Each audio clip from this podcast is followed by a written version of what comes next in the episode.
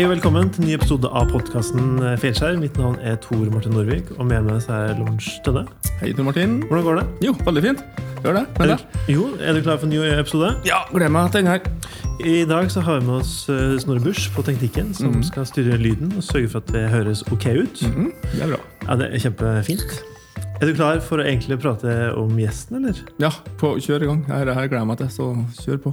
Du, eh, ja, vet du hva, det her kommer til å bli en veldig kul og morsom episode. Vi har med oss Egil Hegerberg. Han er en norsk tekstforfatter. Han er komponist, musiker, artist, ateist og absurdist. Og han er kjent under aliasene Bare Egil og Angel of Doom. Han har spilt i en rekke band. Han har faktisk, hvis jeg har talt riktig, da, så er det 25 band totalt. Men det er jo Gartnerlosjen og Lyd og Bare Egil-band og Hurra Torpedo og Black Debate og Tølsa Doom. Skal vi Hva tror du? Tror du han har noen feilskjær å prate om, eller? Ja, Jeg tror det. Jeg har, forresten, jeg har et feilskjær bare her. Første gangen jeg hørte Gartnerlosjen, var på et program som heter Ultrafiolett tror jeg, på TV2. eller sånt. Og så gikk jeg da til jeg er på gamle, så gikk jeg da til Sørlig musikk på Steinkjer. Den gangen der så spurte jeg har dere den skiva av Gertner Laursen. Han, Er det Gartnerlosjen du tenker på? Ja, ja, stemmer. stemmer, Det var ikke engelsk. så det var, ja. Men jeg gleder meg til Gleder meg veldig. Skal vi bare sette i gang, da? Yes. Ja, men Så bra.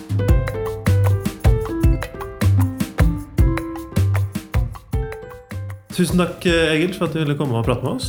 Ja, takk for at jeg får lov til å komme og prate om meg selv. Det er jo det eneste jeg liker å prate om. Det Eneste jeg lyst til. Ja. Ja, men bra, vet du hva? Jeg har, jeg har skrevet ned en del eh, spørsmål. ja. Så da, eh, da kan vi starte med kanskje det enkleste. Eh, Hvordan, hvordan står det til?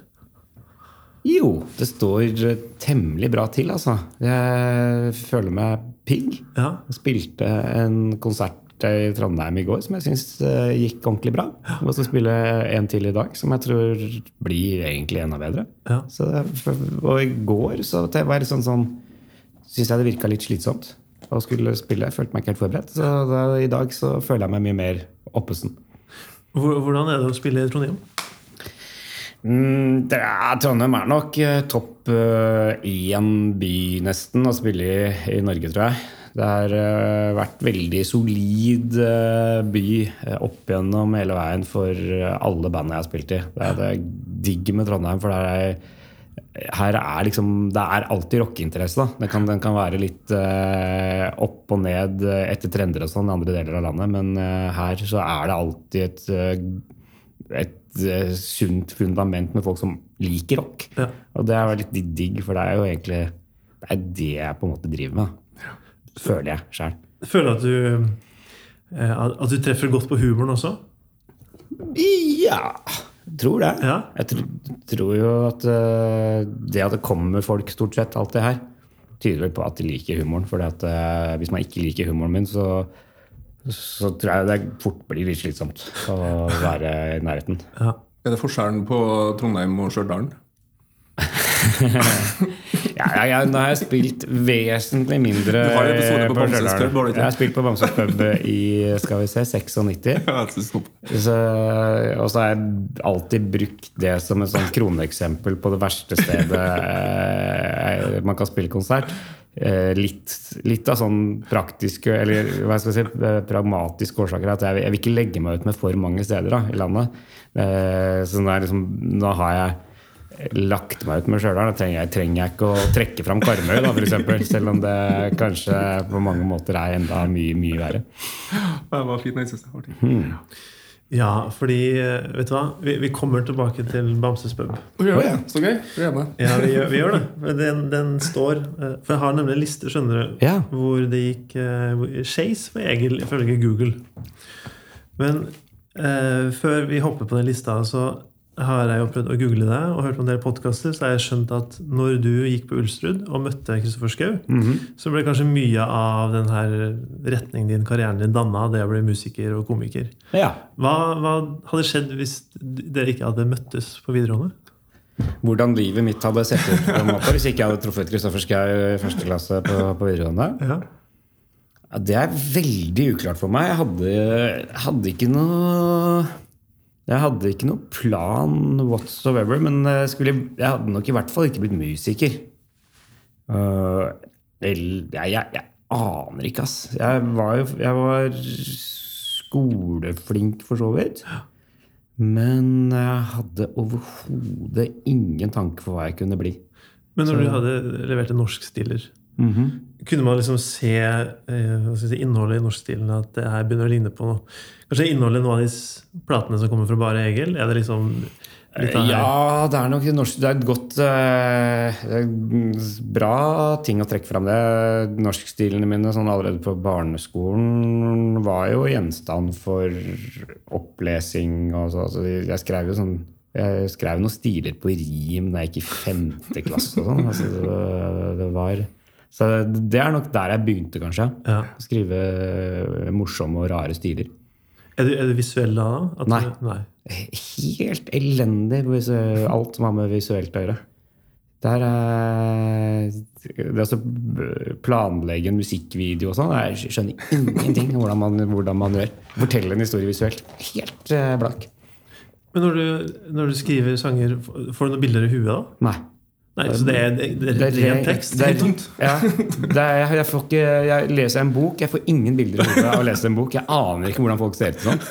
Uh, så det, det, det er helt uproblematisk for meg å se en filmatisering av en bok. For at, eh, da, å ja, er det sånn det ser ut? Det er ikke noe sånn der, å nei, han skulle sett det annerledes ut. Ja, for det har jeg ikke uh, noe tanke om. Og hvis det er bøker Jeg elsker å lese, Ja. men hvis det er bøker med landskapsskildringer, f.eks., bare fader helt ut, bare skummer gjennom og er ferdig med landskapsskildring, sånn kan jeg lese igjen. Men Hvordan, hvordan drømmer du da?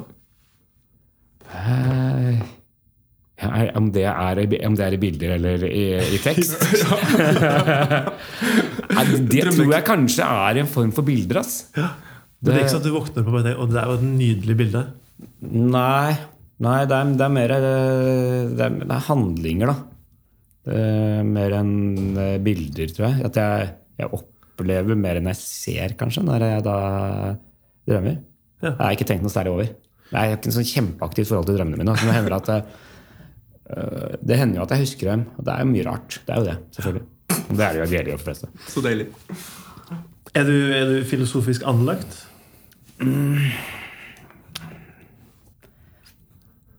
Er det mye undring? Jeg tenker sånn som i forhold til med tagging, spederen, Arne, sko. Det er jo ikke så mye sånn undring som ligger bak. Det er, det er jævlig konkret, da.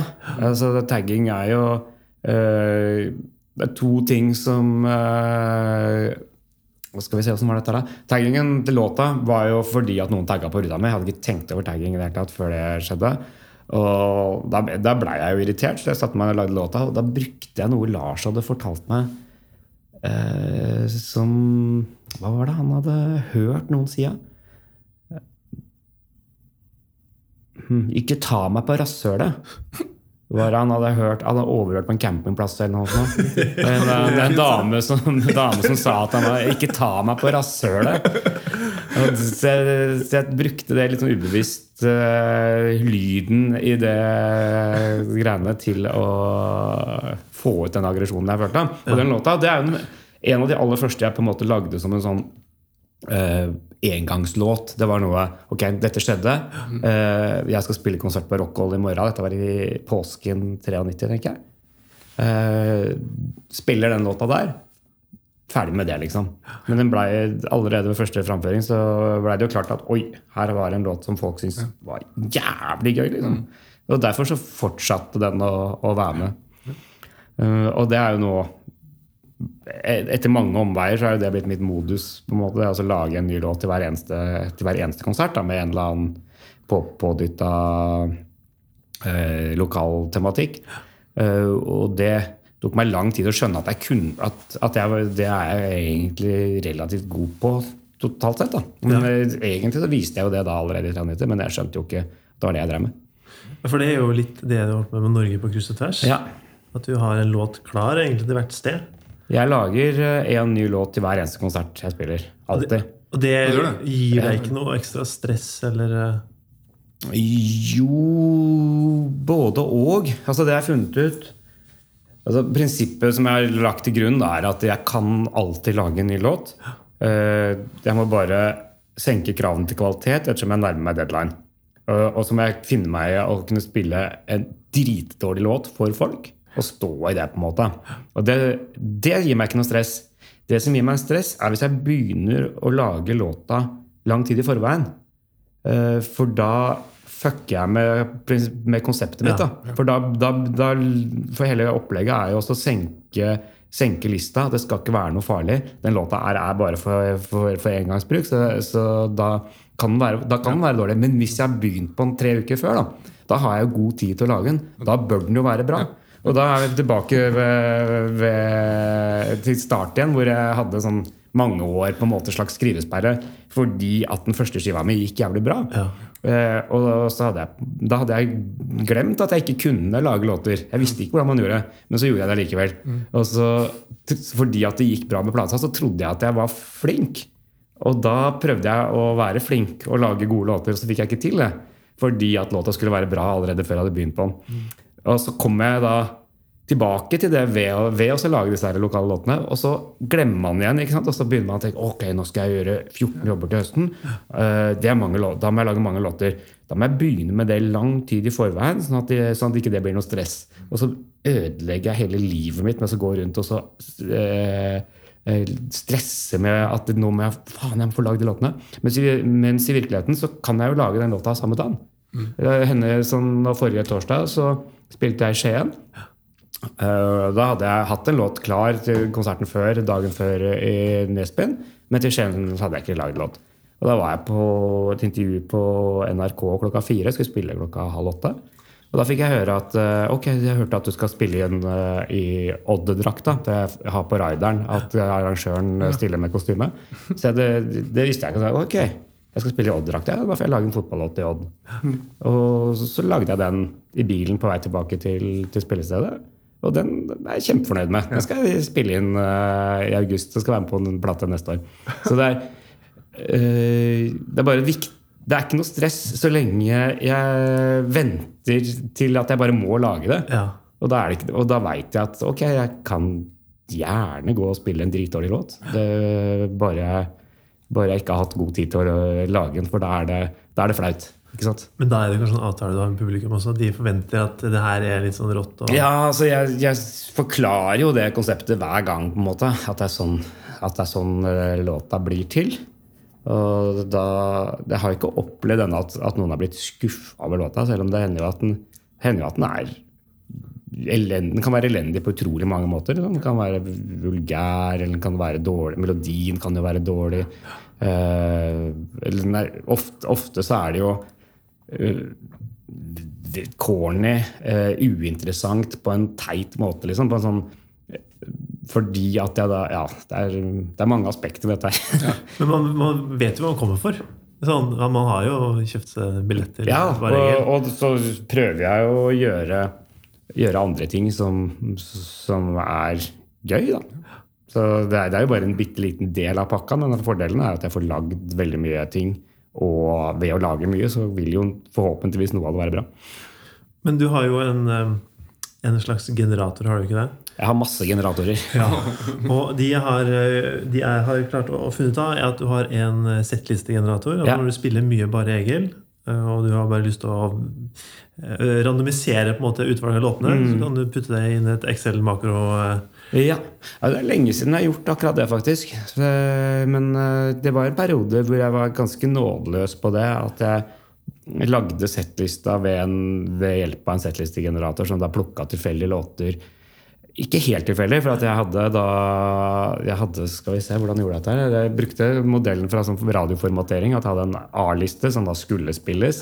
En B-liste hvor hovedutvalget kom fra. Og så en C-liste med sånn eh, låter som jeg var mindre fornøyd med. Som kom, en, kom i en sjelden gang. Eh, og det Det var jo ganske Det var en interessant måte å jobbe på. da. Ja, okay. Er du glad i Excel? Eh, ja Si det. Jeg er ikke noe det er, For hvorfor eh, Hvorfor jeg lager Excel? Jeg tenker, Men det, eh, det krever jo litt uh... Jeg er glad i å finne altså Jeg er glad i å drive Jeg er sånn nerd, så jeg liker å pusle med sånn og så å finne ut av hvordan jeg skal løse idioter eller løse, Finne ut av ting. Sånn. Og så løse unødvendige problemer med å bruke insane mye tid. Liksom. Det syns jeg, det synes jeg er gøy. Jeg begynte dette her det, det, Programmeringa der begynte med Altså, det går langt. Jeg drev og programmerte et når jeg gikk på bar, nei, ungdomsskolen. eller noe. Sånn, vi hadde noen datamaskiner der, så, så la jeg det fra meg. Men til Uh, skal vi si, bandet Lyd vi, en, vi ga ut en plate på slutten av 90-tallet som hadde med noe dataspill. Og det ene spillet der som er ganske gøy, det er et uh, adventure-spill som uh, da begynner med Det heter 'Snarvei til Mongo-Norge'. Det begynner med at man, man starter i Rosenkrantz gate, og så kan man velge om man går inn på, på Rockall eller Smuget. Uh, Målet med spillet er å bli kongen av Mongo-Norge. Eh, og da må man gjennom masse prøvelser. Man må først må man, jeg tror man må vinne noen poeng på flipperen på Rocco. Og så kommer man seg etter hvert inn på smuget. Så må man slå ned Marius Müller på dass. og stjele gitaren hans for å bli med på jam session. Og til slutt så kommer man inn på det aller helligste, og der står Arild Rønsen i et monter. Og så må man rope Man må rope 'Rønsen har bonger'. Og da kommer jo alle til å rive Rønsen i filler. Så hvis man da hvis man da er skarp nok til at man roter i restene av rønsen, da finner man et par damebriller og en eh, hockeysveis. Og når man tar på seg det, så er man blitt kongen av Mange-Norge.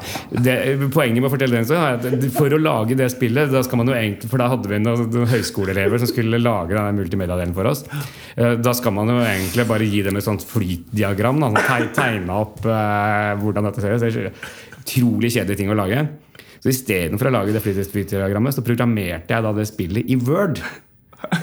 Og da lærte jeg meg, da lærte jeg meg å skrive makroer i Word for å lage det spillet. Da. Så de fikk, de fikk da en, et program i eh, Visual Basic for Word som de da måtte de deschiffrere og oversette til et annet, programmeringsspråk. Jeg syns det, det var den enkleste måten å gjøre det på. Så det å, så det å bare tegne ut et flytdiagram er bare kjedeligere enn å faktisk lære seg makro i Word. Ja. ja. for det syns jeg, det syns jeg er dritirriterende. å skulle lage sånn flyttegang. Jeg, jeg kan ikke tenke meg noe døvere, liksom. Men å, å programmere det, det syns jeg det, I Word, ja. Det syns jeg var helt topp, da. Men det er litt tidkrevende, var det selvfølgelig. Og temmelig tidkrevende for de som skulle, skulle finne ut av hvordan dette her skulle gjøres. Men hvor, hvor er det spillet laget? Hvor det er? Ja. Altså det er jo på den, den CD-en eh, Det var en sånn kort periode hvor man kunne kjøpe musikk-CD-er som også hadde en sånn multimediadel. Man putta den inn i en, en PC med Windows 95 eller 98. Ja. Så fikk man muligheten til å installere sånne greiene. Så mm, det går an, det fortsatt, hvis man har en eh, Windows 95-maskin og en CD-rom. Det må vi jo. Spilte du noe i Monkey Island, eller? Ja, eh, så vidt. Day of the Tentacle er eh, Det er jo på en måte litt Ja. den her eh, Ja, det, det Tentacle spilte jeg. Ja, for noe av spillogikken da, fra det du forteller, er jo litt det der rive opp et lik, let eller, i liksom benpipene, finne et brilleglass, dra tilbake til fremtida. Det er jo kjempegøy. Nei, jeg syns det er imponerende. Men du hadde jo flere generatorer. Og du Ja, for det var det vi begynte med, ja. Så, så, så det var. Det var det første jeg lagde. Men jeg, jeg, er ikke jeg er, ikke noe glad, jeg er ikke noe glad i å lage sånn bruke, For det var det poenget. Jeg er ikke noe glad i å bruke Excel til å lage fine Altså lage eh, budsjetter og regnskaper og sånn. Da er, tilbake, da er vi på, tilbake til flytdiagrammet igjen. Det er helt for jævlig kjedelig. Og så syns jeg det er eh, utrolig vanskelig å få det til å se, se fint ut. Selv om man, man kan alltid bruke de der ferdige men må det se fint ut, da? Er du på en måte estetiker når det kommer til uh, Jeg syns, det, jeg syns jo når man, Det ser jo ganske døvt ut hvis det, bare hvis det ikke er noe formatering i det hele tatt. Da. Det ser jo ganske kleint ut, liksom. Så jeg vil jo helst at det skal se fint ut, men, jeg, men der er det tilbake til at jeg, har, jeg mangler fullstendig visuell uh, kapasitet. Da. Så jeg er helt Jeg syns det burde sett fint ut, men jeg aner ikke hvordan man skulle gjort det for å få det til. Men Jeg har skjønt at du har en generator som hjelper deg med å velge tema og sjanger og dur. Til eh, jeg, de låtene jeg lager til hver konsert, ja. Jeg bruker ikke det alltid, men jeg kan bruke da den generatoren som da skal vi se, den, De viktigste parameterne er tema Ja. og sjanger. Og så er det det toneart, eh, kordprogresjon, rimmønster og, og sånne ting også. Som jeg da kan bruke som et sånn kreativt verktøy hvis jeg, hvis jeg står fast. Da, for at jeg ikke, når, jeg skal, når jeg skal lage liksom den 14. låta om Kongsberg, så er det bra å ha noe annet å ty til enn bare at eller bare sølvgruvene, eller at det, heter, at det, er noe med kongen. Liksom. Er det du da som kan få lov til å gå inn og putte ting i temaet, eller åpner du opp for alle, at alle kan bare eh, gi deg liksom ulike temaer? Det, når jeg, om folk kan komme med forslag som jeg kan legge inn i generatoren? Ja, mater liksom generatoren din, da. Ja, altså Den er jo ikke åpen Jeg er veldig glad hvis folk kommer med forslag, men det er ikke noe sted folk kan gjøre det utover å sende meg en melding. Da, hvis de har lyst til å komme med forslag. Det, vil jo ikke få så kjempestor innvirkning om jeg får noe forslag, for det er såpass mange ting som ligger der fra før. Men det er klart, før eller seinere så dukker det jo da sikkert opp. Ja. Og det er ikke noe du skal liksom produktifisere og selge? Som konfirmasjonstallgenerator? Nei, altså det produktet som, jeg, som, jeg, som er mest kommersielt uh, mulig å utnytte, det er bilbingo-generatoren som er lagd fordi at vi er jo jævlig mye ute på turné med forskjellige band. Den skal jeg ha. Den er helt amazing. Fortell. Det er uh, den lager da Man bare mater inn navnene på de som er i bilen, hvor mange de er. Mm. Og så mater den ut skjemaer med ett eh, personlig bilbingo-skjema til hver. Hvor det, er, hvor det, er, ni ting man skal se på veien. typisk, Og så er det liksom fra forskjellige kategorier. At det er kjøretøy, bygninger, eh, ting man kan se i veikanten, og dyr og sånn. Og så legger den inn, modifiserer den altså sånn at uh, legger farger på ting som Hvis det er en Toyota, yes. så, så det ikke, det ikke å se en Toyota. Det kan være en gul Toyota eller en, en rutete Toyota. Riktig. Rosa stabbur er, er, jo ganske tilfredsstillende når man får, man, man får til det. Uh, og så, den også, legger den også inn modifikatorer på ting som kan være litt sånn tolkning Hvis det er ting som er åpne for tolkning, en fin bil, da, f.eks. Mm. Da skal det være ifølge en av de andre i bilen. Ja, sånn, ja. Så man får eh, Det er konkret eh, hvis, jeg, hvis, vi er ute med Black Debate, så kan jeg for på mitt skjema få en koselig kirke ifølge Ollis. Ja, sånn. så, så, må jeg, da, må, da må jeg se en kirke som jeg tror Ollis syns er koselig, og så må jeg få han til å bekrefte det. Og da går det liksom på æren løs. Altså, man, må jo, man må ikke være for snill. Da. Man kan ikke, man kan ikke gi en man, det er jævlig døvt hvis man godkjenner en Ja, det, der, ja, ok, det er en koselig kirke. Og så kommer det en dritkoselig kirke etterpå. Og så tenker man å faen, liksom. Da, hvorfor, ga jeg, hvorfor, ga jeg, for den egentlig ukoselige kirka? Men det er, det er jævlig gøy, rett og slett. Det får, uh, får dritlange bilturer til å være gøy non stop. Da. Det produktet har jeg prøvd å, last, prøvd å finne lang tid i bilferie med familie. og sånn. Ja. Så det ja. burde du bare slippe. Det vil jeg ha. Det ja, det er litt sånn komplisert uh, hvordan, det skal, hvordan det skal brukes, på en måte. Uh, så jeg har ikke knekt koden for det, men uh, det er, det er det et meget godt, godt produkt. Godt håndverk. Mm. Mm. Stolt over den. Så bra. Ja, det er jeg veldig, veldig stolt av.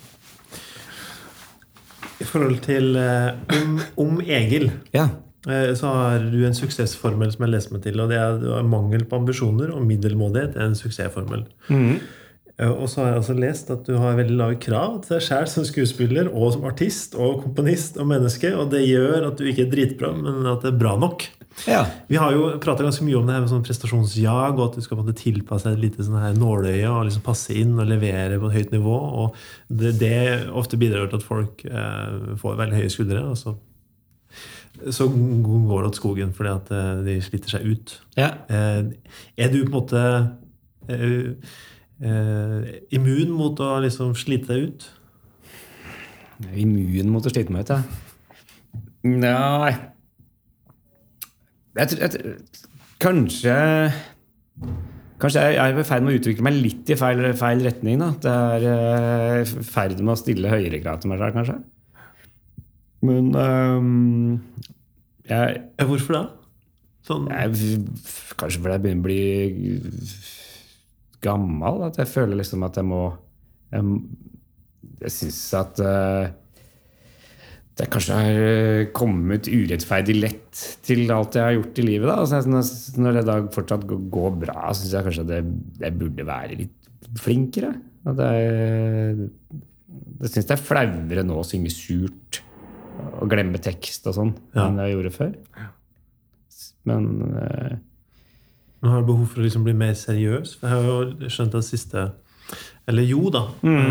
At, at den har liksom mer kanskje litt sånn seriøse undertoner enn du har hatt tidligere. Ja, og enda mer på null, da, den nye skiva som Ja. kom nå for et par uker siden. Mm, det er jo mer seriøst. og Kanskje jeg, jeg er fornøyd med det som, som en slags retning. At, det, at, det er, at humoren ikke bare er tøv, men at humoren brukes som virkemiddel, og ikke bare som det viktigste. Så ja, kanskje jeg er i ferd med å bli voksen. Men samtidig, så neste plate er bare som lokale sanger, og det er bare, det er bare tøv igjen. da. Ja. Så kommer en låt som heter Ny prost i Fosen. Ny Mm. Hva er det? Hva? Fortell. Jeg spilte, jeg spilte vel på, på, spilte på Fosen, og så, så skulle jeg skrive en sang om et eller annet, et, eller annet kirkerelatert. Så jeg måtte google Fosen, nei, Fosen og kirke, og da var det første som kom opp, var at det, skulle, at det var kommet nyprost ny prost i Fosen. Og så, så da synes jeg det klang så fint. Da lagde jeg en Ja, låt som het ja. Og det er en dritbra låt! Den gleder jeg meg veldig til. Men jeg, digger måten du lager sjanger på. Du tar jo det som er mest tilgjengelig, og det som kommer lettest til deg, og så Ja. øh, jobber du med det.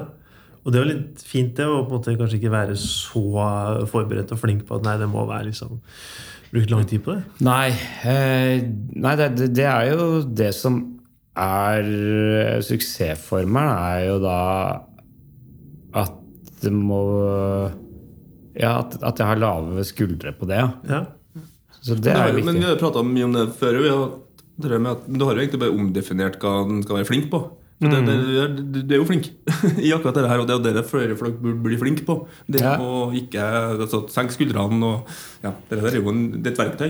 Det er, det er håndverk. Det er, Altså, det for det- tørre å si at man ikke er dritbra, selv om man er det, liksom. Det er, mange, det er veldig få som tør å si at det du gjør, er ok.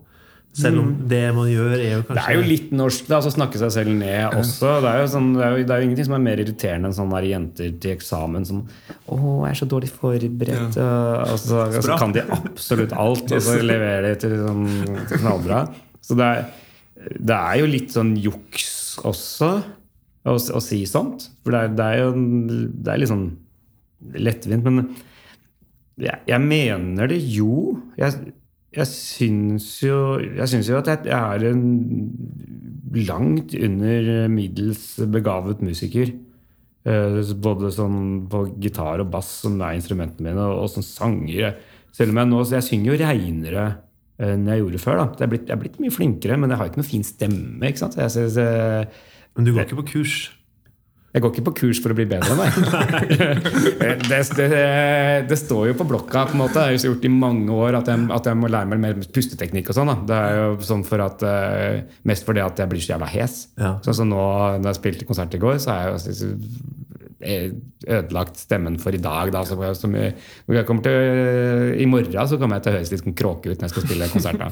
Så det, er- det er jo det er jo dårlig. Det, det, det skammer jeg meg litt over. Det jeg det, det er jo dårlig. Men kan du liksom da løse det med at du starter med kanskje bare Egil, og så går det over til og Doom? da, Eller at du har Ja, at jeg, drar på sånn uh, turné hvor jeg rullerer med banda. Altså, Ja. men jeg må ha med meg masse forskjellige musikere. Alle, alle må Ta innordne seg min uh, ta med hele type. Duplex-festivalen på, måte på turné. Nei, men altså, det, eneste, det, det jeg må gjøre, er å spille bare Elband-konsert sjelden. da. Ja. Det er løsningen. Ja. nei, nei, nei takk. Er det et instrument som du heller skulle ha spilt? Du spiller jo bass og bassgitar og gitar og en og annen hvitevare og vokal. Men er det, er det et, et instrument som du aldri har fått taket på? Altså det øh, Trommer er jeg altså så insane dårlig på at det er uh, Bestemora til hvem som helst er bedre enn meg på trommer. da Det er helt uh, magisk hvor dårlig jeg er på det. Så det er, Har du testa en konsert med å spille trommer, eller? Sp Teste en konsert med å spille trommer? Nei. Er du gæren? Nei, jeg, ikke det, det jeg, jeg får ikke til noen ting, liksom. Jeg kan ikke, kan ikke spille noen ting på trommer. Så det, Hva, hva med trommene som på en måte Nei, det er at jeg er dårlig, dårlig synkronisert. eh, også har jeg dårlig forståelse av eh, hvordan hvordan det henger sammen. Ja. Hvordan eh, rytme er bygd opp. hvordan det... Så, og det er ganske paradoksalt når jeg spiller bass. Da. Det, er, det er jo det er det Du, sliter deg gjennom det. er liksom begynt med da, og så har jeg ikke skjønt at jeg heller burde slutte gjort noe annet. Jeg syns det er gøy. da. Jeg synes det er kjempegøy. Så syns jeg, det er, synes jeg det er på en måte liksom grunnleggende flaut. Eh, men jeg øver, jeg øver det jo inn Jeg kan det sånn noenlunde det jeg skal spille, men jeg, har ikke noe, jeg forstår det liksom ikke ordentlig.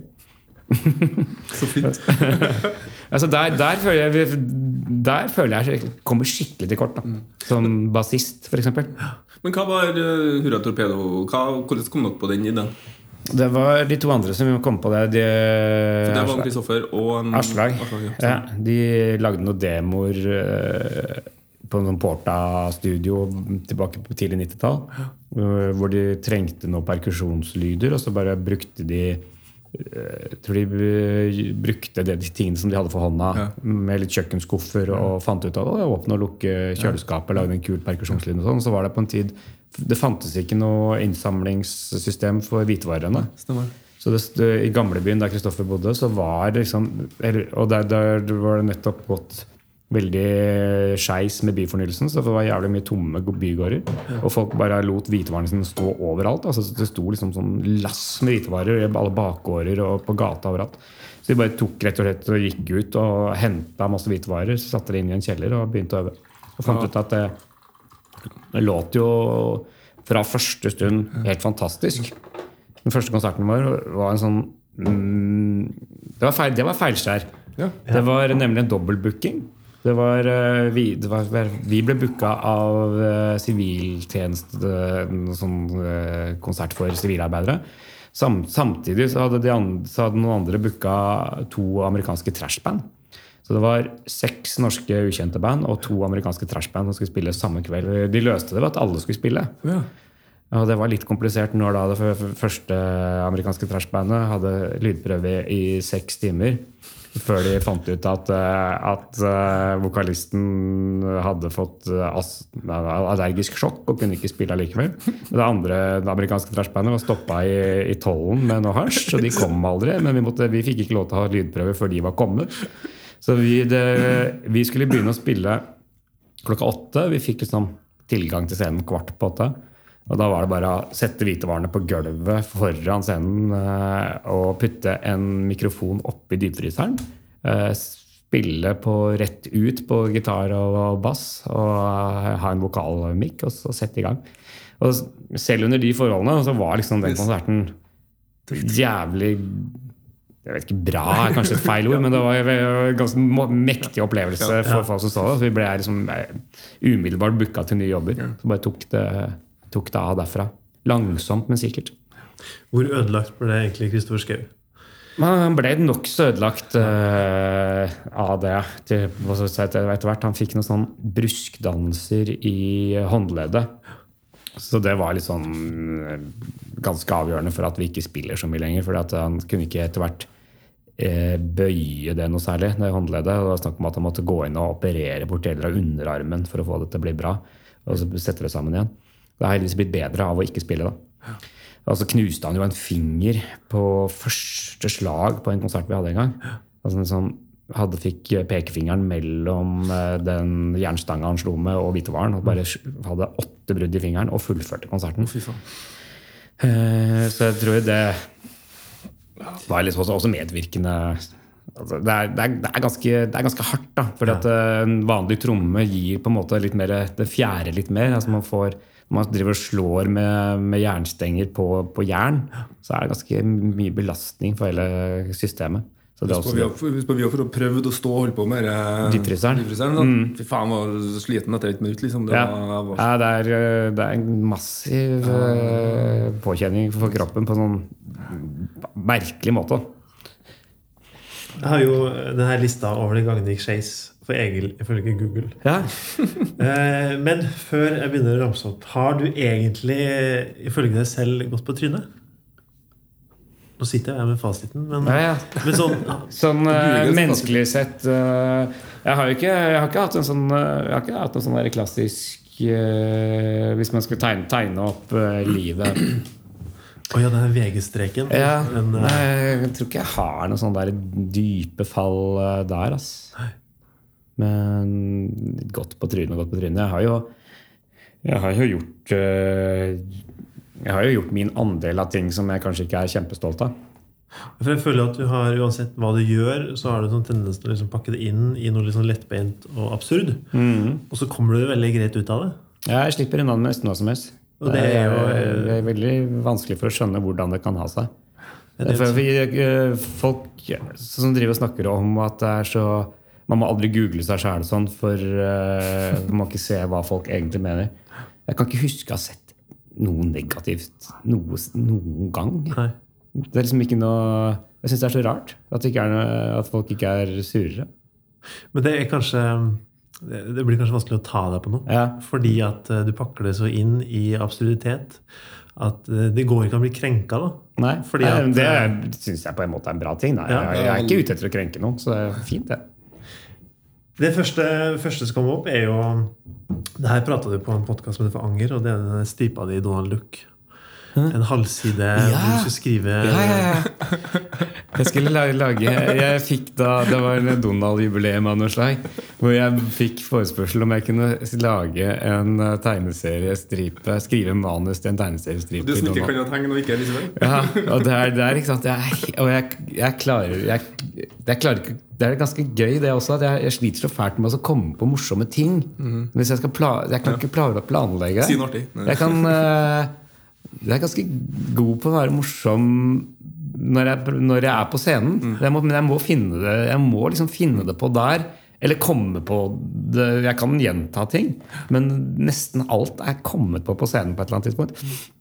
Så det å altså pl- planlegge en sånn ensiders historie, det var helt det var sånn marerittaktig. Er Jeg kunne jo bare sagt nei, men samtidig det, det er sånn der, man kan ikke si nei. Det- kan, det, jeg har aldri drømt om å skrive i Donna, for det er jo helt, helt 100% uoppnåelig. Men når det da kom som et tilbud, så Jeg må jo gjøre det, men samtidig så reiv det i sjelen, for det, det blei jo så dårlig. Det var så døvt. Jeg, jeg hadde jo ingen liksom, Jeg ante ikke hvordan det skulle gå fra. Nei, det, det, det, var pinlig. Det jeg det var et feilskjær. Men du har jo kommet deg greit gjennom. Men hva som skjedde da? Du leverte også Jeg leverte, det ble tegna, og det var på trykk. Og så det, det, det, er bare, det var ikke noe vits i at, at jeg skulle lage en, eh, en dårlig Donald-historie. Det fikk jo ingen noe ut av. Men jeg tror på en måte eh, Konseptet var vel egentlig at jeg skulle, teg, at jeg skulle skrevet inn meg sjæl på et eller annet måte. At, jeg vært, at jeg skulle vært en karakter i Andeby-universet. Men det syns jeg i hvert fall ble kleint. Det, jeg, det hørtes jo helt Men du fikk en tegning, gjorde du ikke? En Donald Duck eh, Donald Duckifisering av deg selv? Jeg gjorde kanskje det. Ja. Ja, I bladet. Ja. Ja. Har du laga en sang om dette her? Nei. Så bruker ikke det som terapi det å lage en sang. Nei, for altså Få unna. det, er jo et eksempel på noe Jeg syns jo det var jævla vrient, men jeg synes, det plager meg jo ikke noe i livet. Jeg synes ikke det, altså det, det er jo ikke noe Det er stå, Det er jo ingen som bryr seg. Det er jo ikke sånn at eh, Ja, når vi fortalte i dag, så fortalte vi at nå vi får besøk av han Egil der. Ja, han Donald Duck-tegneserie. Han som lagde tidenes kjedeligste eh, Nei, men det har gjort andre, så andre sånn tilsvarende ting er jo at jeg var med på et, eh, jeg var med på et teaterstykke for noen år siden. I forbindelse med, Jeg vet ikke om det er altså kommet opp i Google? jeg. Nei, det har jeg ikke, faktisk. Så det Nei, for der, der er også sånn at eh, ok, jeg har fått tilbud om å spille teater i et stykke eh, i forbindelse med grunnlovsjubileet, som da var nyskrevet. Og, og det, jeg har jo jeg, jeg har spilt noe amatørteater og noe skolerevy, og sånn, men jeg, jeg har jo ikke noe teater veldig bakgrunn. Så det er sånn, det er sånn jeg kanskje heller ikke burde si ja til, da, for at jeg kan det ikke. Og Men skjønner du hvorfor folk oppfatter deg som det? Det er som sånn som Reidar Roses, for eksempel. Mm. Det er jo veldig sånn teater Det er jo veldig mye også det barneshowet du har Det er Ja. Dere spiller jo Ja da, ja da. roller, liksom. Nei, det, altså, det, barne-TV, det burde Jeg skjønner jo at man kan tenke at jeg, at jeg er en bedre skuespiller enn det jeg er. Dere var med på Sangfoni på NRK, var ikke det? Barne... Jeg var ikke med på det? Jo, jeg jeg og Aslag var med på et eller annet. stemmer. på Det Det var veldig fengende. Mm. Men det er jo kanskje forskjell når du har kontroll på universet selv, kontra når du skal tre inn i et annet univers. Det er en stor forskjell. Absolutt. For du har jo den her, alle de karakterene i Bare Egil by også. Som er, skal de tas ut på noen som helst måte? Den, eh, de karakterene du har laga deg Du har jo fryktelig mange ulike. Du har jo eh, Tas ut, hva mener du med det? eh, Kunne det på en måte vært et, eh, et serieunivers? Barne-TV kunne vært voksen-TV. kunne vært eh, Det ble jo lagd en liten sånn TV-serie i back, i, tilbake på midten av 90-tallet Nei, 2000-tallet. Å ja. Sånn uh, uh, typ fem på gata-ish, liksom. Med masse forskjellige Ja. sånne barillkarakterer. Så det, det, det fins, det. Men det er, det er liksom sånn Det er bare en dårligere versjon av det som Espen Eckbo og Robert Stoltenberg driver med, på en måte. Ja. Så det, det er ikke noe, ikke noe knallviktig og at, at folk skal se det, men det ligger på en sånn DVD-utgave av noe bare Eggeband-CD. ja. Jeg vet hva, Når du sier noe, så tror jeg faktisk jeg husker det. Det var en par, par av tingene som var litt gøy. Det var Sånn Trebarnsmor Egil syns jeg var ganske gøy. Men stort sett så var det Terningkast tre. ja, terningkast tre-fire. Ja, liksom. da skrev du alt sammen sjøl, eller? Ja, mer eller mindre. Neste på lista er Spellemann. Der er det to oh. punkter. Ja. Det ene er at du stjal Spellemannsprisen i 1999, som Kristoffer skrev. Mm. Hvordan gikk det? Hvordan det gikk for seg? Ja. Nei, det var, Black Debate var jo nominert for uh, førsteskiva vår, Tung Tung Politisk Rock. Og den dagen vi fikk greie på at vi var nominert, så traff vi også Kristoffer. For han, ja, Vi delte i øvingslokalet, og han spilte i band Cumshots sammen med Ole Petter i Black Debate osv. Og, og vi hadde jo selvfølgelig spilt i x antall band sammen med meg og Lars og Aslag. Um, og så når vi fortalte han at fy fader, vi er nominert til Spellemannsprisen, så, han, eh, så, så, så eh, gratulerte han. Og så ble han sånn og tenkte litt ja, Å ja. ja. Da får dere den prisen, da. For jeg, det, det er den prisen jeg skal dele ut. Ja. Så vi visste, vi visste jo allerede den samme dagen som vi, vi fikk vite at vi var nominert, at vi også kom til å få prisen. Og så hadde vi da avtalt med Kristoffer at han skulle si et stikkord for at vi skulle vite om om det var vårt navn som sto på eh, arket eller ikke. Så hvis han, hvis han sa gratulerer, så var den ikke til oss. Nei. Så når han sto der oppe, eh, så, så med en lapp hvor det står med kjempebokstaver et annet bandnavn, så klarte jo ikke han å huske hva vi het plutselig. Han fikk jernteppe, så han står der og sier gratulerer, gratulerer, gratulerer. Og på det andre gratulerer så reiser jo vi oss og begynner å gå.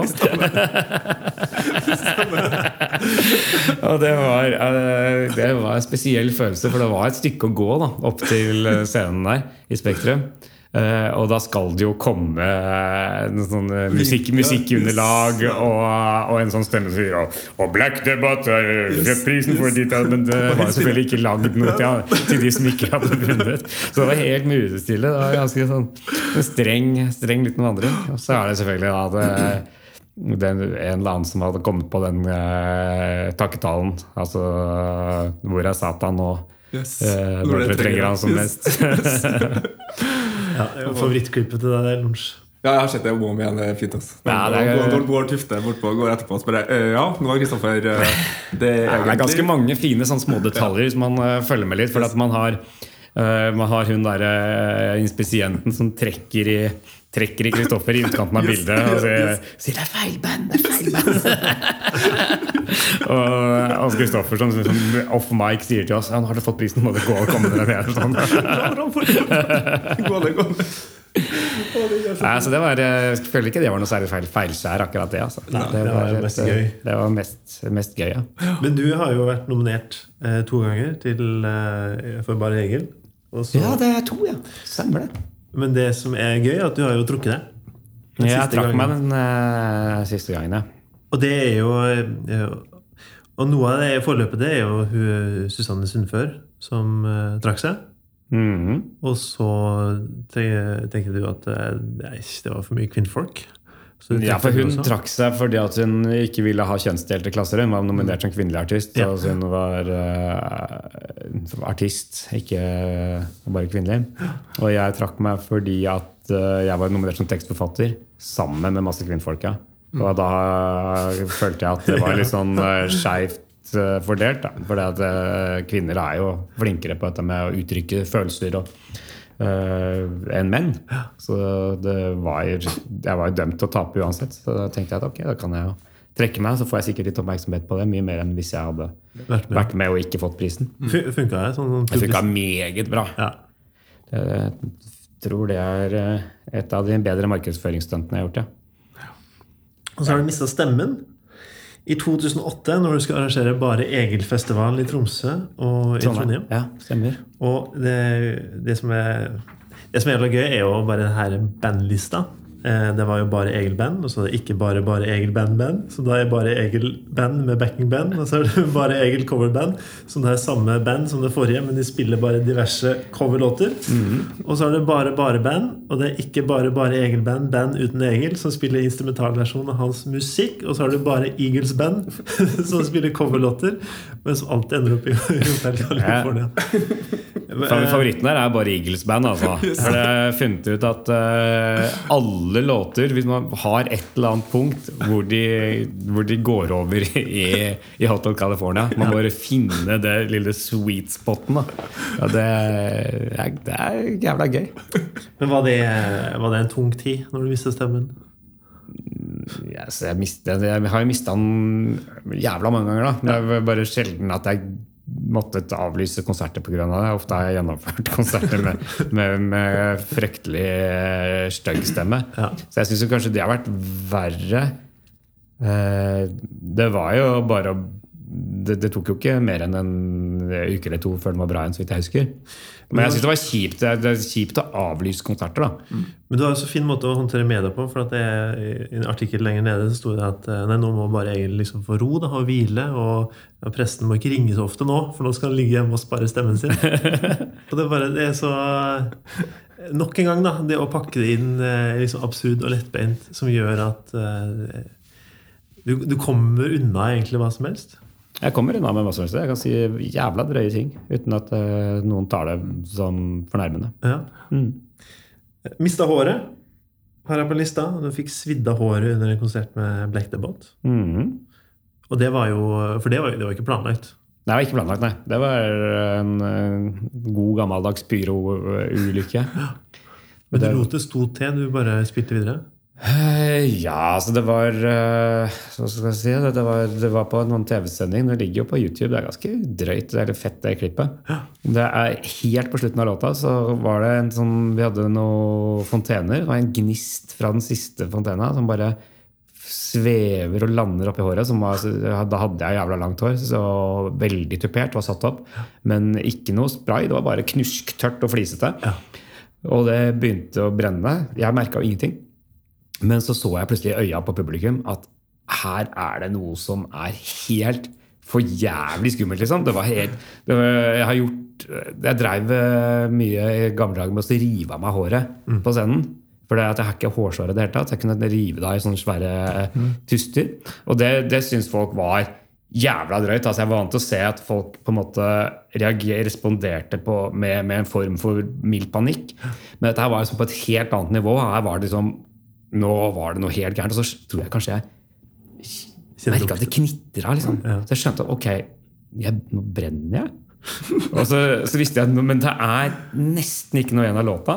Så jeg må, dette er legendar, jeg tror liksom jeg tenkte det at dette er legendariske bilder. Jeg må spille ferdig, og så må jeg slukke.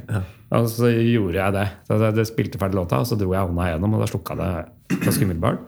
Uh, og det, så kom, altså det er det drøyeste, for da sitter jeg backstage med sånn våte håndklær på. For hvis liksom ikke er jeg forbrent, eller hva faen. liksom Det kjentes greit ut, men for sikkerhets skyld kommer produsenten og sier ja, da må vi bare ta den låta en gang til. For eh, vi hadde ikke lyd på den ene gitaren. Nei. nei. sånn, eh, Unnskyld meg, eh, herr produsent. Fulgte du med på hva som skjedde her? Vi skal ikke ta den låta på nytt. Det var bare de drøyeste TV-bildene ever, liksom. Å, å, sier du det? Hvordan endte det? Det endte med at Lars måtte spille gitaren på nytt, noe som er litt utfordrende når låta begynner med, med gitar aleine. Uten noen form for opptelling. Eh, Så det var jo Det er jo litt uh, pussig åpning på låta sånn, eh, på det videoopptaket. Men det, men det gikk greit med huet. Ja, ja. Det, det var jo helt topp. Men det er sånn hvis du nå øh, vekst, Hvis jeg nå tenner på håret igjen, så, så er det vant til det. Så det skjer jo Nei, men det er jo sånn altså, hår, Det er jo visse typer hår som er avhengig av at det sviser fra tid til annen. Er Stemmer det? For at det skal vokse. Jeg liker å svare til VG. her, så er Håret betydde enormt mye for meg, men nå betyr det ingenting. Skriver Hegerberg i en mail til VG. Fantastisk. Ja, det er gøy sagt. Det var, det var responsen din på meg.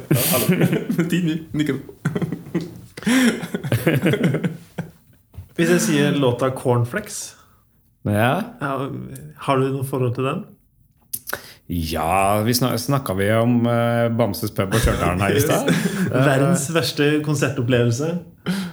Ja, nei, det var eh, Jeg spilte på Bamses pub i 96. Det var rett etter at mm, Absolutt ikke med Barregelband var kommet ut. Jeg var liksom på høyden av min popularitet. Altså jeg kunne spille for fulle hus rundt omkring.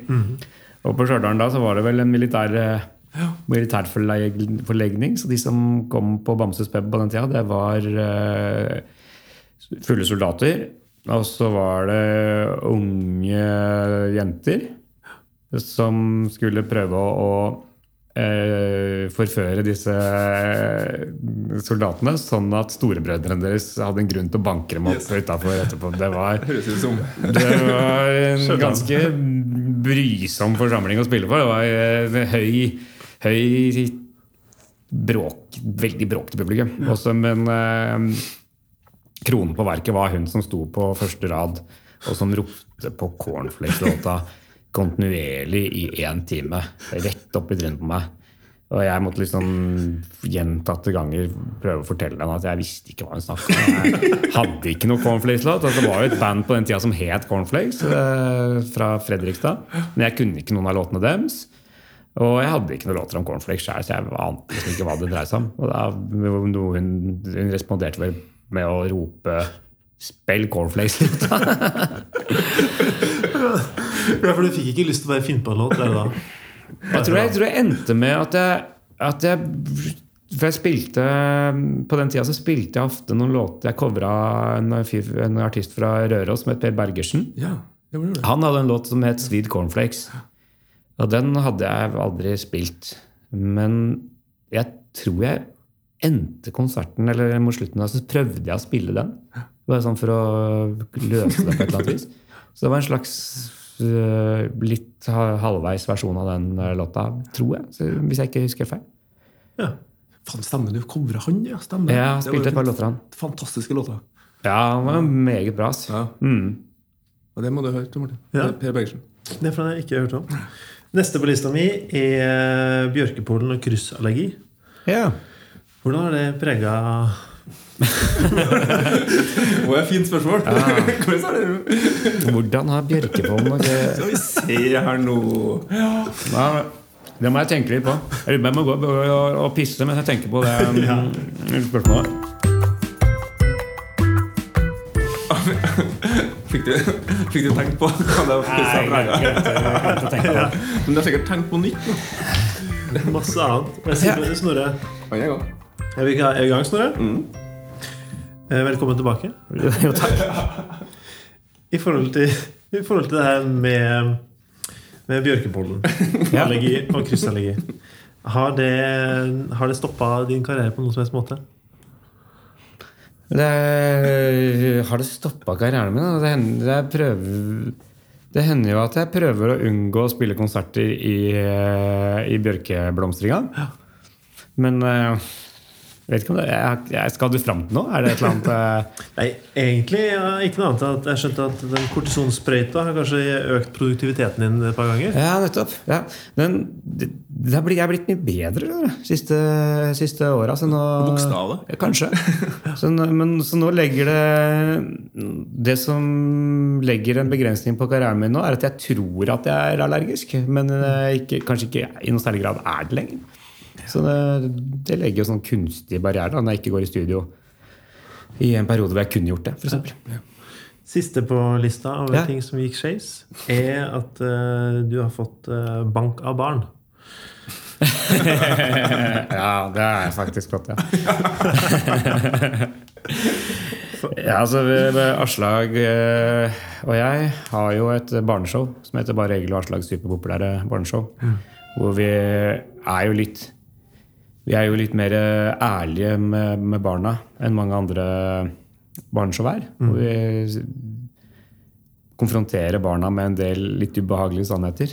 Som at barn er vesentlig dummere og mer bråkete enn voksne. Og da har det hendt at barna har nettopp eh, bevist vårt poeng. Det, altså det er jo den som først slår, som har gått tom for argumenter. Det har kommet barn opp på scenen og, og slått meg under forestillingen. Jeg skjønte at det her er et sånn her eh, dannelsesprosjekt for norske folk. Ja. Og grunnen er jo, og det her er et sitat fra Adressa, at du ble aldri konfrontert med din mangel på talent. Og det er noe samfunnet sliter med i dag. Ja, ja, men det er jo det er, det er forbanna godt sagt.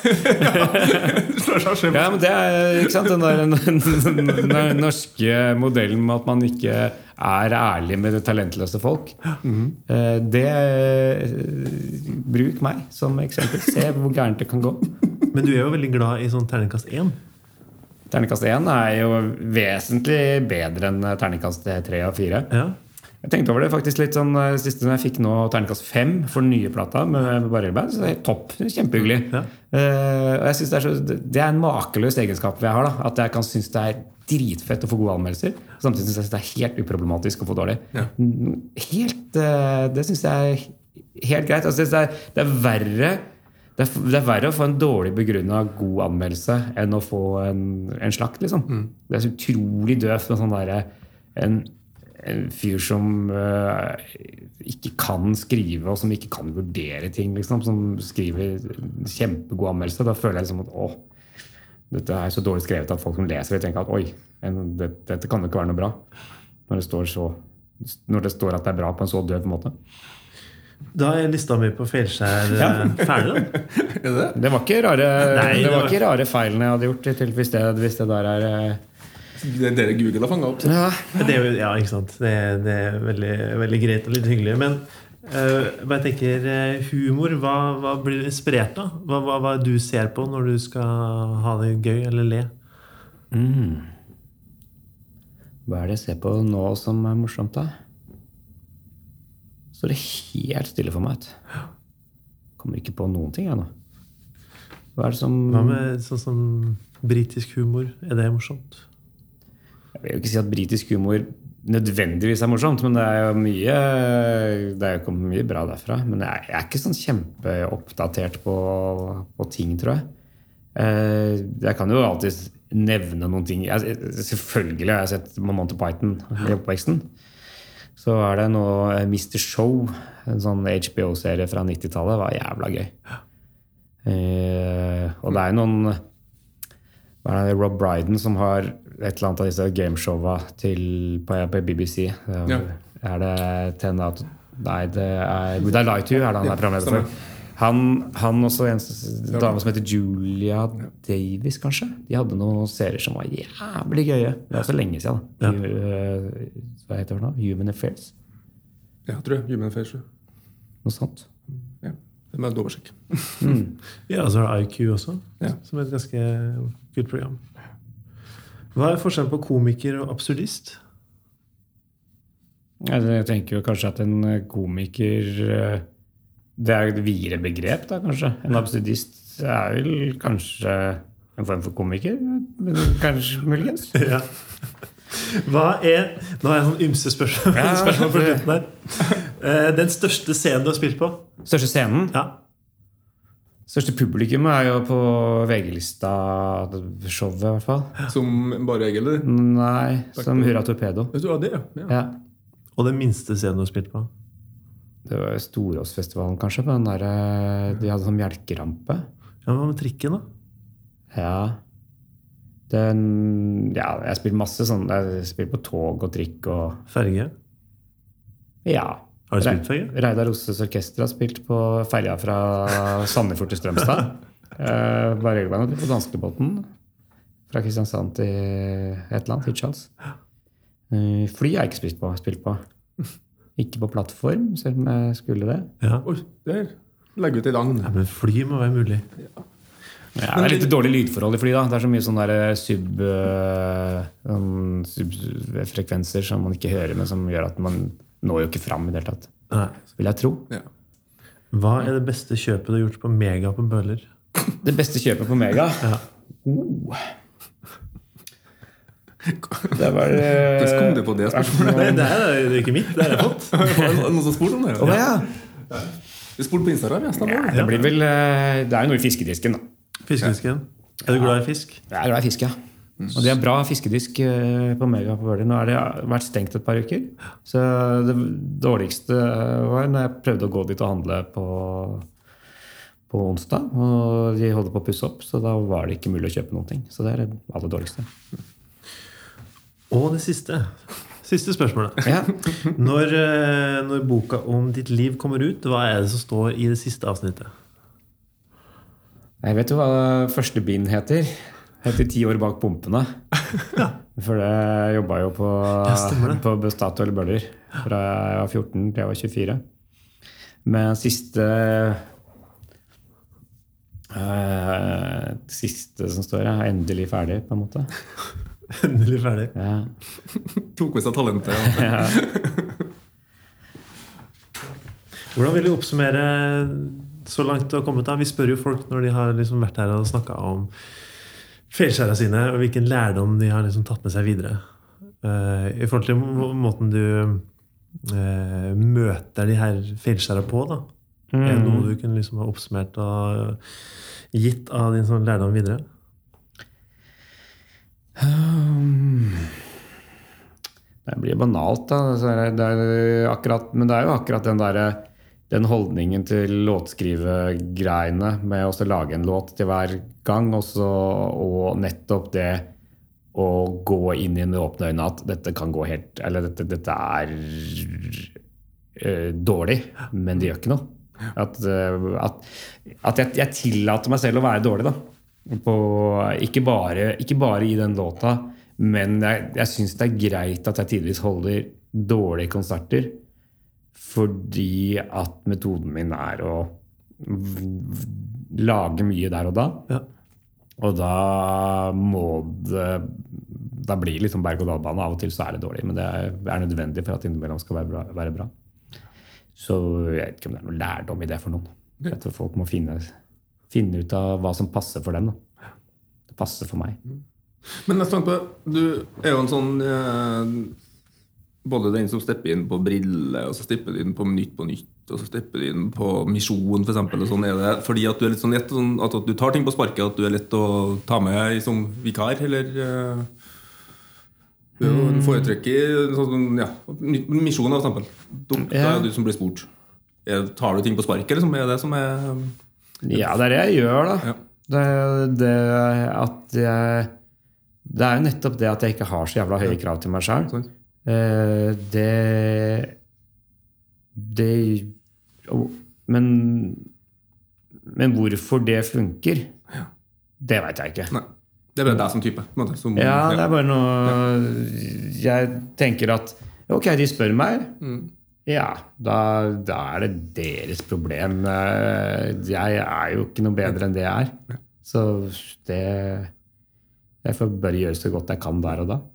Ja, det er et fint råd. Lunsj, Ja. har du lyst til å prøve å komme med en oppsummering?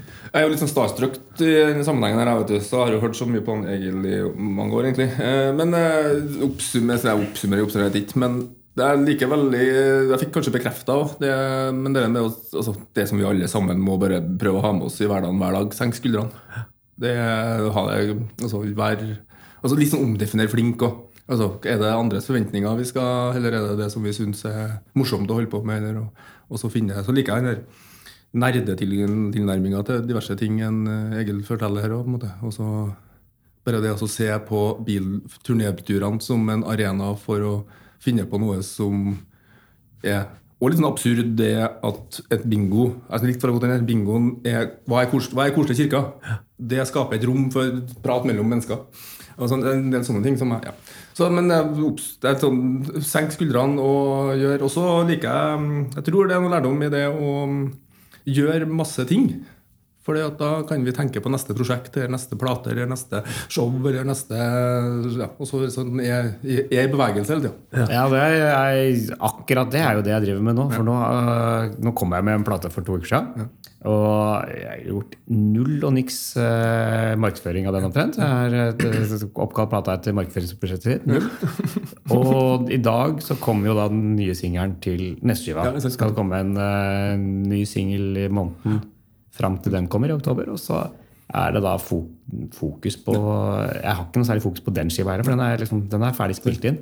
Så den skal mikses, og så jobber jeg med de skivene som skal ut neste år. Ja, det og det, det, tror jeg da gjør noe med det her forholdet sitt til feilskjær og tabber. For det er noe, altså Hvis en sjøl er på inn i neste, mm. neste arena, i neste fase, eller sånne ting, så er det så, da er det ikke så farlig. Nei, det er ikke så farlig, men altså, samtidig så er det ikke noe, det er ikke noe suksessoppskrift. da. Det er, vil jo, det, det er mennesketypen. det, det, er bare, det er en jævla dårlig På mange måter en jævla dårlig modell, men så lenge jeg jeg syns det er jævla gøy. Funker for deg, og funker det, funker, det funker for meg å få lagd så mye som mulig, og så drite i hvordan det går med det. Yes. Det synes jeg er gøy. Så fint. Ja, liker jeg. Enn du, har du fått noe? Vet du hva, Var ikke det den perfekte avslutninga? Bare lage så mye som mulig, og drite i hvordan det går i det. Nei, jeg har fått litt troa på makro da, igjen i, i Word Excel. Ja. Det spillet vil jeg spille. altså. Ja. Nei, Hvem vil ikke være kongen av, kongen av Mongoland? Kongen av Mongo-Norge. Ja, mm. ja, herlig. Jeg vil være det. Jeg tror vi går bare på avskjedsgave.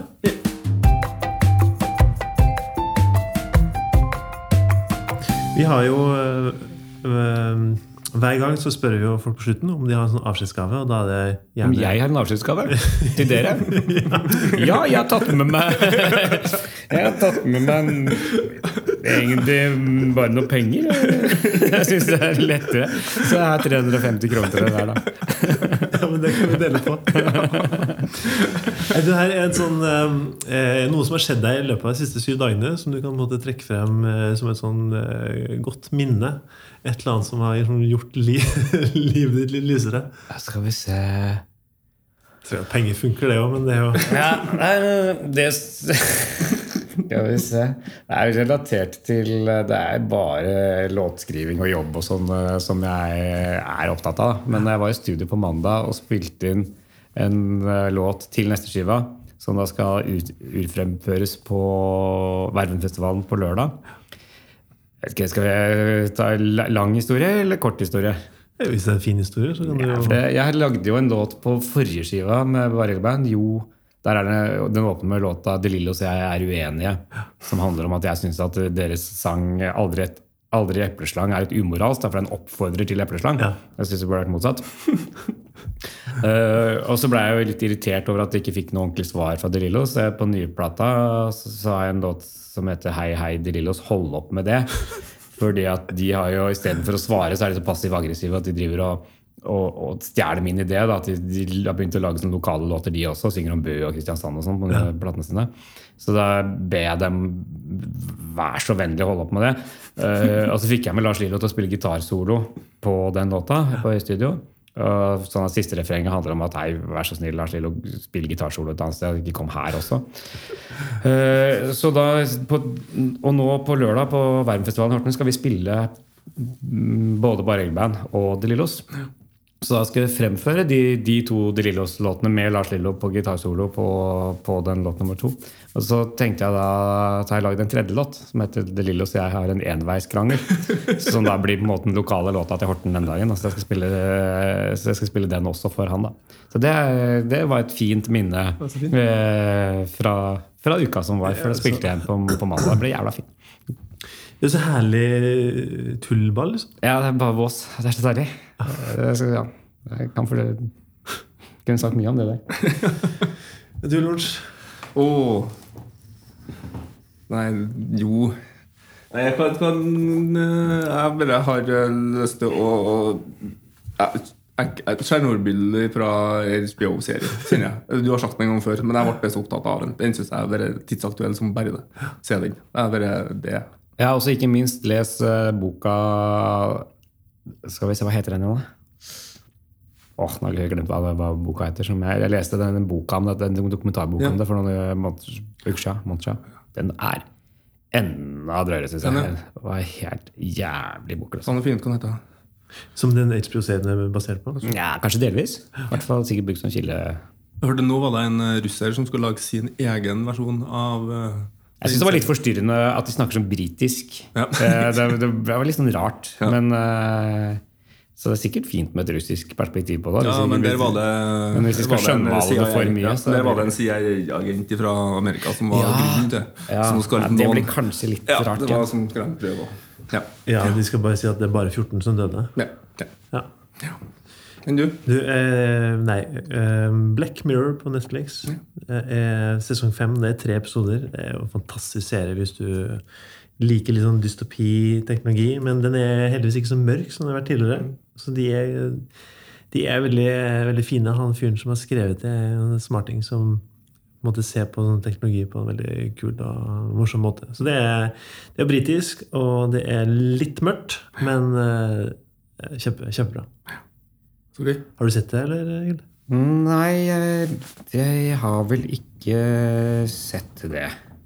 Da kan du, når du er ferdig med å lage sånne generatorer i Word og Excel, så kan du se på den eh, serien. Den er kjempe, kjempefin. 'Midnight in Chernobyl' så heter vel denne boka jeg snakka om. Må det ikke være det? Nei, det er ikke Er det den, da? Som, er, som, som den serien er bygd på, den boka?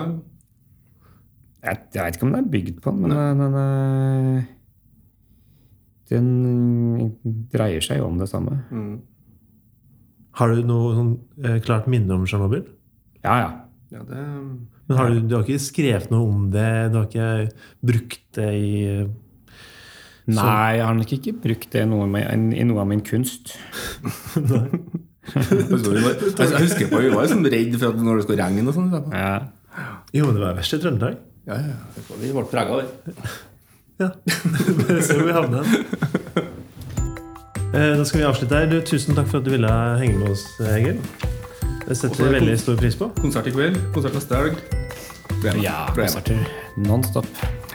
Og takk til de som har vært med og hørt på oss. Neste gang så skal vi prate med Nina Steen, hun er kommunikasjonssjef til Trondheim Symfoniorkester. Der tenker jeg sikkert noe feier seg på veien. Og hvis du som hører på har noen historier som du ønsker å dele med oss, så ta kontakt. Send oss mail på feilskjær.uredd.no, så skal vi få fram historien din. Gi oss gjerne noen stjerner der du hører på, så følg oss på, på Instagram på Feilskjær. Og så kommer denne podkasten ut hver mandag. Den er produsert av Uredd og Lydspor Media. Så da sier vi bare takk for i dag, da. Vær så god. Ha det! Ha det!